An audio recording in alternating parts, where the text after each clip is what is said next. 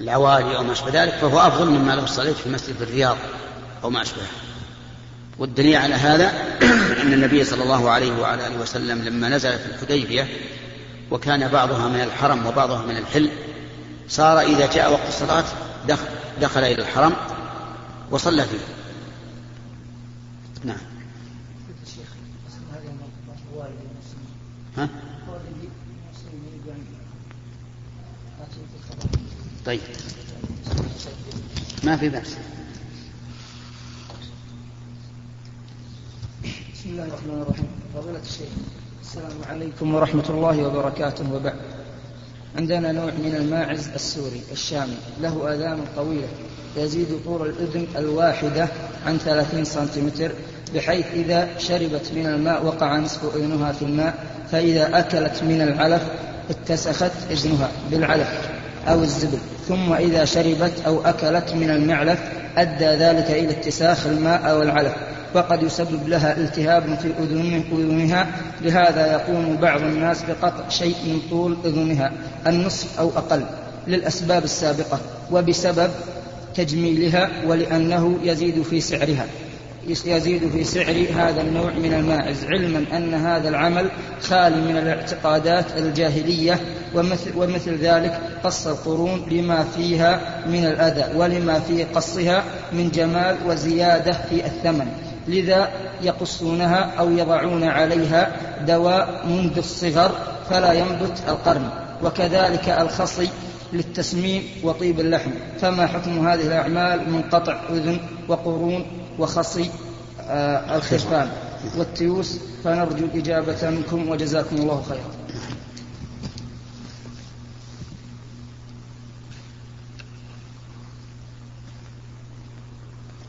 هذه ثلاثة أشياء كما جاء في السؤال. الأول قطع الآذان. وقال السائل إنه لا يريد بذلك آه، ما يفعله الجاهلية من البحيرة. وشبهها إنما يريد ثلاثة أمور. أولا منع الأذى أو المرض بطول هذه الآذان. والشيء الثاني التجميل. والشيء الثالث زيادة القيمة. وجوابنا على هذا أن نقول لا بأس بذلك. بشرط أن لا يكون في هذا ألم على البهيمة لأن هذا الألم إذا لم يكن هناك سبب بين لا يجوز. فمن الممكن أن تبنج الأذن تقطع أو يعمل فيها عمل آخر بحيث لا تتأذى بالقطع. وأما قطع القرون فهو أهون أيضا لأن القرون كما قال السائل ربما يحصل فيها أذية. تنطع بها من من عاندها أو أراد أن يصدها عن أكل أو ما أشبه ذلك. وأما الخصاء فهو أيضا جائز إذا كان فيه مصلحة ولكن يجب أن تتخذ الإجراءات اللازمة لمنع تألم البهيمة.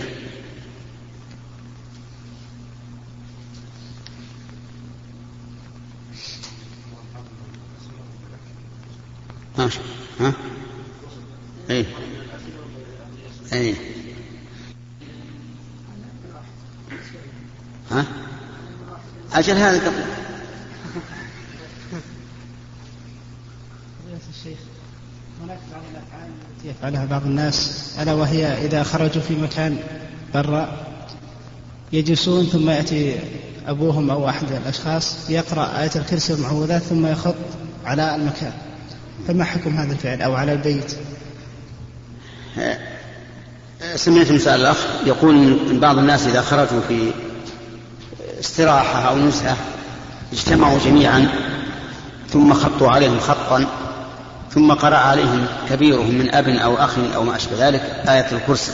كذا؟ هذا بدعة. لم يكن معروفا في عهد السلف الصالح والذي يشرع أن كل واحد منهم يقرأ آية الكرسي. لأن من قرأها في ليلة لم يزل عليه من الله حافظ ولا يقربه شيطان حتى يصبح فالسنة أن يعلموا ويقال كل واحد منكم يقرأ آية الكرسي. نعم.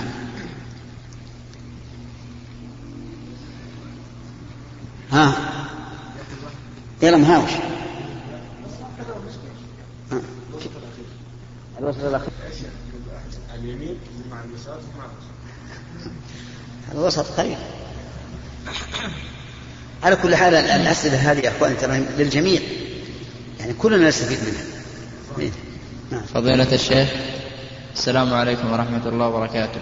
السلام عليكم عندي بعض الأسئلة ودي أن تجيب عليها. اختر منها واحدة فقط؟ فقط. طيب بالترتيب إن شاء الله يصير الدور مرة أخرى. لا شوف الأهم شوف الأهم. نعم الزاني المحصن. نعم. ما حده؟ وك... الزاني المحصن بارك الله فيك حده الرجم بأن يقام أمام الناس ويرجم بحجارة لا كبيرة ولا صغيرة حتى يموت. لكن كيف يجاب عن حديث عبادة رضي الله عنه في مسلم؟ نعم, نعم. أنه قال جلد مئة والرجم. نعم.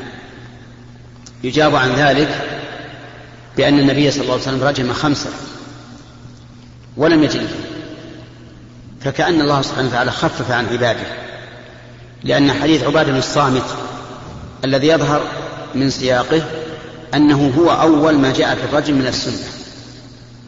فإن النبي صلى الله عليه وعلى وسلم قال خذوا عني خذوا عني قد جعل الله لهن سبيلا.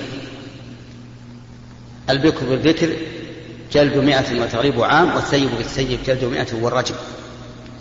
لكن بعد ذلك رجم النبي صلى الله عليه الصلاة والسلام. ولم يجمع بين الجلد والرجم فيكون هذا نسخا أي أن الله تعالى نسخ الجمع بين الرجم والجلد. فإن احتج بأن هذا فعل من أفعال النبي صلى الله عليه وسلم ثم أنه لم يذكر أنه يعني جلد أو لم يجلد وادعي أن الجلد شيء معروف ولكن وضح الرجم لكونه هو الحكم النهائي على الم... لا إله إلا الله. فهذه دعوة من أبطل الدعاوى. في حديث قصة امرأة العسير. قال اغد يا أنيس إلى امرأة هذا فإن اعترفت فارجمها هل في هل قال اجلدها؟ ما قال اجلدها وكذلك في قصة ماعز. قال اذهبوا به فارجموه. ولم يقل اجلدوه. وكذلك في قصة الذميين اليهوديين. وإذا تنزلنا مع هذا وقلنا هو فعل. فكون الرسول عليه الصلاة والسلام يترك الجلد يدل على جواز تركه. وأنه ليس بواجب. يعني لو تنزلنا تنزلا بأن هذا فعل وهذا قول قلنا هذا يدل على جواز ترك الرجم وأنه ليس بواجب. عرفت؟ نعم. وفعل علي رضي الله عنه. فعل علي رضي الله عنه اجتهاد منه. هو قال جلدتها بكتاب الله ورجمتها بسنة رسول الله. هذا اجتهاد منه.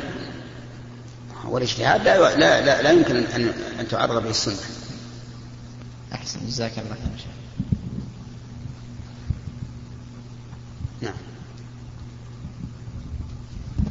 لكن ليكن في في ذهنكم إنه أن ثبوت الزنا بالشهادة صعب. ثبوت الزنا بالشهادة صعب. لا يكون ثبوت الزنا الا إلا, إلا بالإقرار. أما يجي واحد يشهد بأنه رأى ذكر الزاني في فرج المرأة هذا صعب جدا. وكنا نقول بالأول يمكن تلتقط الصورة. وأنه إذا جاءت الصورة سواء صورة تلفزيونية أو صورة ورقية يمكن يعمل بها لكن تبين لنا أنه حتى الصورة لا يمكن العمل بها لأنه يمكن أن تدبلج نعم وأنتم تعرفون أن أنه لما كانت فتنة الكويت مع العراقيين ماذا صنعوا؟ ماذا صنعوا؟ دبلجوا أناس من الأمريكان على سطح المسجد الحرام وعلى أبواب المسجد الحرام. وهذا سهل. الآن لما تقدم العلم في هذه الأمور صار كل شيء محتمل. فكنا نقول بالأول إذا وجدت صورة مع شخص بأن هذا الرجل يزني بامرأة فهذه بينة من أقوى البينات لكن تبين الآن أن المسألة فيها شك. نعم. فضيلة الشيخ السلام عليكم ورحمة الله وبركاته. نعم. السلام عليكم ورحمة الله وبركاته. أي عليكم السلام ورحمة الله. شيخ من ناحية الأضاحي أنا إذا جاء وقت الضحية أذبح ثنتين. واحدة بنية أنها ضحية وواحدة عشان توزيع اللحم وأن يتوفر اللحم عند في البيت وعلى الجيران. هل أنا مصيب في هذا أم والشيء الثاني الماعز اللي قطعت أذناها هذه وقرونة هل هي وقت الأضاحي؟ تكفي؟ تجزي؟ هذا سؤال طيب. أما بالنسبة للمسألة الأولى فالسنة أن يضحي الإنسان بواحدة عنه وعن أهل بيته كما كان الرسول عليه الصلاة والسلام ونحن نعلم أن الرسول أكرم الخلق ولكن اقتصر على واحد. فالسنة خير. لكن لو زدت لهذا الغرض الذي ذكرت فلا بأس. لا هي حلال إن شاء الله. وأما ما يتعلق بمقطوعة الأذن ومقطوعة القرن فالصحيح أنها جائزة مجزئة لكنها مكروهة لأنها ناقصة الخلقة. وقد أمر النبي صلى الله, صلى الله عليه وآله وسلم أن نستشرف العين والأذن أي نطلب شرفهما وكمالهما. أي نعم. يقطعون أذنها يا شيخ من شأن النصب ينصبون فيها أنها تكون لها شيفة خلقة غير خلقتها لم تكون طبيعية. هذا برضه المعزة هذا عندنا خبر أنا منها. إنهم يجعلون هذا ويقلدونها خرج ويحطون لها هذا ويجملونها عشان تجيب ب 14000 عشان اللي شافها التيس يربى لا عشان تكون متجمله له 15000 و 30000 ويتباهون بهذا القطع وهذا إنها سورية وانها جئت من هذا المكان. على كل حال سمعت الأخ السائل اللي تو يقول فيها هذه أيضا.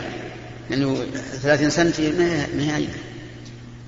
الذي يا شيخ ما ما تقابل قطع الإذن وتعلم البهيمة في لا ذكرنا احترزنا من هذا ما تتألم. جزاك الله فيه في أشياء ما, ما تألم. نعم. السلام عليكم. السلام.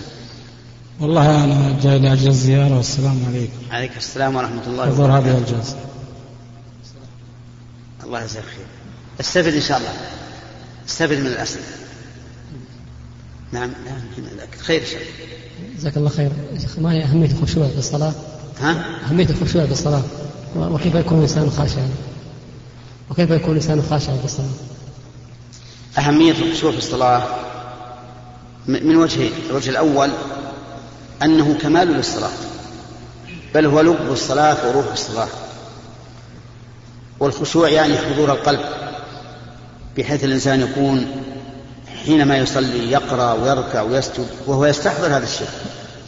ما يكون يفعل هذه الأشياء وقلبه مكان بعيد. والوجه الثاني أن الصلاة أن الخشوع في الصلاة أكثر ثوابا. أكثر ثوابا وقد امتدح الله عز وجل الذين هم في صلاة خاشعون. أما ما يعين على الخشوع فهو أن الإنسان يفرغ قلبه إذا أقبل على الصلاة تفريغا كاملا. ويشعر بأنه واقف بين يدي الله عز وجل. نسأل الله يعين على ذلك. أنه واقف بين يدي الله. وأن الله عز وجل يعلم ما في قلبك كما يعلم ما تحركاته في بدنه. ليس كالملوك. الملوك يمكن تقف أمام الملك متأدبا بظاهرك وقلبك في كل مكان. ولا يعلم. لكن الله عز وجل يعلم ظاهرك وباطنك فاستحضر أنك بين يدي الله. وإذا قلت الحمد لله رب العالمين استحضر أن الله يجيبك. لأنه ثبت في الصحيح عن أبي هريرة رضي الله عنه أن النبي صلى الله عليه وعلى آله وسلم قال قال الله تعالى قسمت الصلاة بيني وبين عبدي نصفين. فإذا قال الحمد لله رب العالمين قال حمدني عبدي. وإذا قال الرحمن الرحيم قال أثنى علي عبدي وإذا قال مالك يوم الدين قال مجدني عبدي وإذا قال إياك نعبد وإياك نستعين قال هذا بيني وبين عبدي نصفين. وإذا قال اهدنا الصراط المستقيم قال هذا لعبدي ولعبدي ما سأل لو أننا استحضرنا هذا المحاورة مع الله عز وجل هل يمكن أن تلتفت قلوبنا يمينا أو شمالا؟ لكننا نصلي في غفلة. فمن أكبر العون على الخشوع أن يعتقد الإنسان أنه الآن واقف بين يدي الله.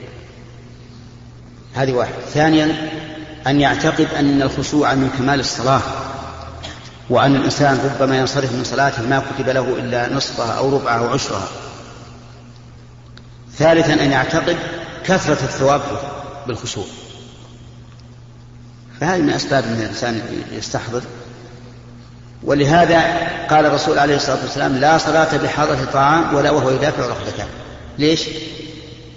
لأن قلبه مشغول أما الإنسان العادي ما الذي يجعل قلبه يشتغل؟ نعم السؤال يلا من من هو معه؟ يلا فضيلة الشيخ ما حكم صلاة العيد؟ هل هي فرض كفاية فرض عين؟ وما الدليل على فرض كفاية؟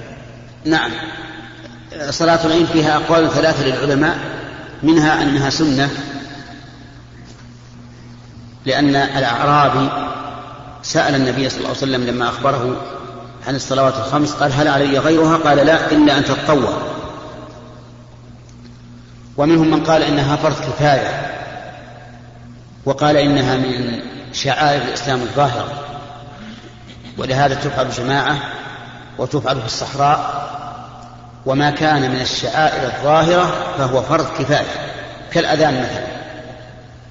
ومنهم من قال إنها فرض عين. لأن النبي صلى الله عليه وعلى آله وسلم أمر بها حتى النساء الحيض وذوات الخدور والعواتق. أمرهن أن يخرجن إلى مصلى وهذا القول أقرب الأقوال وهو اختيار الشيخ الإسلام ابن تيمية رحمه الله. أنها فرض عين لكن إذا فاتت لا تقضى. يعني لو جيت الإمام سلم ما تقضيها؟ لأنها مثل الجمعة ما تقضى. لكن الجمعة عنها بدل وهو الظهر لأن الوقت هذا لا بد فيه من صلاة. وأما العيد فلم يرد عن النبي عليه الصلاة والسلام أن لها بدلا. هذا القول هو أقرب الأقوال وأن الإنسان القادر إذا لم يخرج مع المسلمين يصلي فإنه آثم. نعم. قضية الشيخ بالنسبة لقصة وفاة النبي صلى الله عليه وسلم ذكرت بعض كتب التاريخ أن ملك الموت أتى النبي صلى الله عليه وسلم يستعينه على شكل أعرابي ما صحة هذا الكلام؟ هذا غير صحيح. يعني كونه ملك الموت أتى إلى الرسول إلى النبي عليه الصلاة والسلام يستأذنه هذا غير صحيح إطلاقا. لكن ملك الموت أتى إلى موسى ليقبض روحه. وكان موسى عليه الصلاة والسلام رجلا شديدا. فضربه حتى فقع عينه. فرجع إلى الله عز وجل ملك الموت وقال أرسلتني إلى رجل لا يريد الموت. فقال الله له اذهب إلى موسى وقل له يضع يده على ظهر ثور فما كان من تحت يده من الشعر فله مثله من السنوات. قال ثم ماذا؟ قال ثم الموت. لابد كل نفس ذائقة الموت. أنتم فاهمين السؤال هذا؟ يعني يضع يده على جلد ثور اللي تحت يده من الشعر يعطى مثله من السنين. قال ثم ماذا؟ قال ثم الموت. هذه السنوات لو لو نفرض إنها ألف سنة ألف سنة أو أكثر. ألف سنة أو أكثر تمضي على الإنسان وكأنها إيش؟ كأنها ساعة. الآن كلنا أعمار مختلفة لكن الذي عاش منا طويلا والذي عاش منا قصيرا كلنا سواء في الماضي. كأنه لم يكن. ولهذا لما قال ثم الموت قال يا ربي إذن قربني من البلاد المقدسة. فقربه الله عز وجل من البلاد المقدسة وقبضت روحه هناك. وقال النبي عليه الصلاة والسلام إن قبره عند الكثيب الأحمر ولو كنت ثم لأريتكم إياه. أما النبي عليه الصلاة والسلام فلا فلم يأته ملك الموت ولم يستأذن منه. بل خطب صلى الله عليه وسلم في آخر حياته خطبة وقال إن عبدا خيره الله تعالى بين أن يعيش في الدنيا ما شاء الله أن يعيش وبين لقاء ربه فاختار لقاء ربه. هكذا قال في آخر حياته. فبكى أبو بكر. بكى أبو بكر. فتعجب الناس. كيف يبكي أبو بكر من هذه الكلمة؟ فكان النبي صلى الله عليه وسلم هو المخير وكان أبو بكر أعلم الناس برسول الله صلى الله عليه وعلى آله وسلم. هذا هو الذي ورد. أما أنه جاء يستأذن فهذا غير صحيح. نعم. السلام عليكم ورحمة الله وبركاته. آه يمين مع اليسار يا أخوان. سؤال نعم الأسبوع القادم ونعتذر الإخوة الذين لم يتيسر أن ألقوا السؤال وربما جاء في الأسئلة ما كان في نفوسهم أيضا. والله موفق وصلى الله وسلم على أيها الإخوة وأنت يا في ختام هذه المادة؟ تجيب نسأل الله أن نلقاكم في. لقاءات متجددة. وإن جئت بثالث للوسط؟ مع تحيات مؤسسة الاستقامة الإسلامية للإنتاج والتوزيع في عنيزة. شارع هلالة رقم الهاتف والناسخة الهاتفية. صفر ستة ثلاثة ستة أربعة ثمانية ثمانية ثمانية صفر. والرقم الثاني صفر ستة ثلاثة ستة أربعة خمسة ثمانية ثمانية صفر. ورقم صندوق البريد اثنان وخمسمائة وألف.